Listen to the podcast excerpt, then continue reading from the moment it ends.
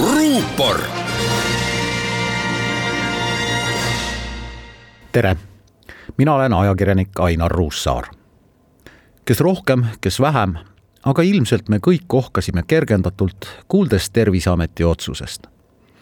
ülehomme lõpeb Eestis pikki kuid kestnud hädaolukord ja hakkab kehtima hädaolukorra oht. mida see õigupoolest tähendab? see tähendab laias laastus tagasijõudmist normaalsesse elukorraldusse. Mitte küll täielikult, sest teatud piirangud reisimisele ja kogunemistele jäävad, aga see on ikkagi vaid köömes võrreldes meid aasta algul tabanud piirangutega. kergemalt ohkamine ei tohi tähendada aga ettevaatlikkuse unustamist hädaolukord kehtestati meil siis, kui haiglates oli kuuskümmend viirusega patsienti.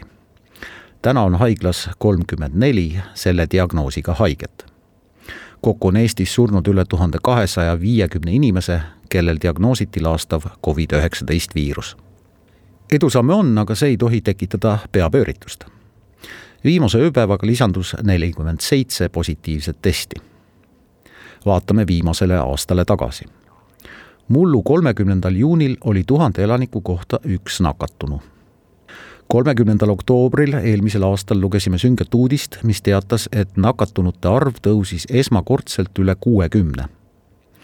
Märtsi keskel hakkas lootus kaduma, siis tuli päevas juurde üle tuhande viiesaja viiruse saanud inimese. üle poole miljoni meie inimese on saanud vaktsiini, neist nelisada tuhat on vaktsineerimiskuuri lõpetanud kui ülejäänud ka vaktsineerima tõttavad ja riik neile selle lihtsamaks teeb või neid nutikate kampaaniate abil julgustab, võib tõesti sügiseks olla meil seitsekümmend protsenti elanikest vaktsineeritud.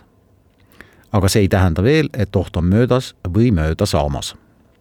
Viiruse uus, senisest karmim delta tüvi on hakanud möllama Inglismaal, Venemaal ja ka Iisraelis see viimane mainitud riik on olnud vaktsineerimise ja vaktsineeritute poolest maailmas esirinnas. Austraalia kehtestas viiruse uue laine leviku tõttu uusi piiranguid. Delta ehk nõndanimetatud India tüvi on senistest viiruselainetest kõige kiiremini leviv.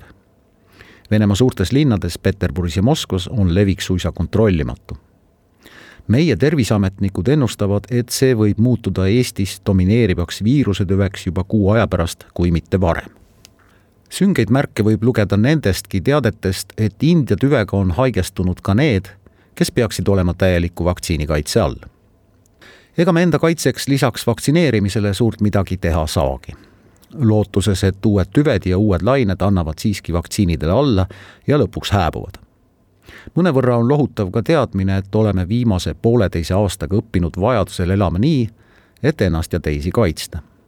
seda oskust ei saa meilt keegi ära võtta nautigem suve, aga ärgem unustagem kahte vana tõde. esiteks, ettevaatus on tarkuse ema.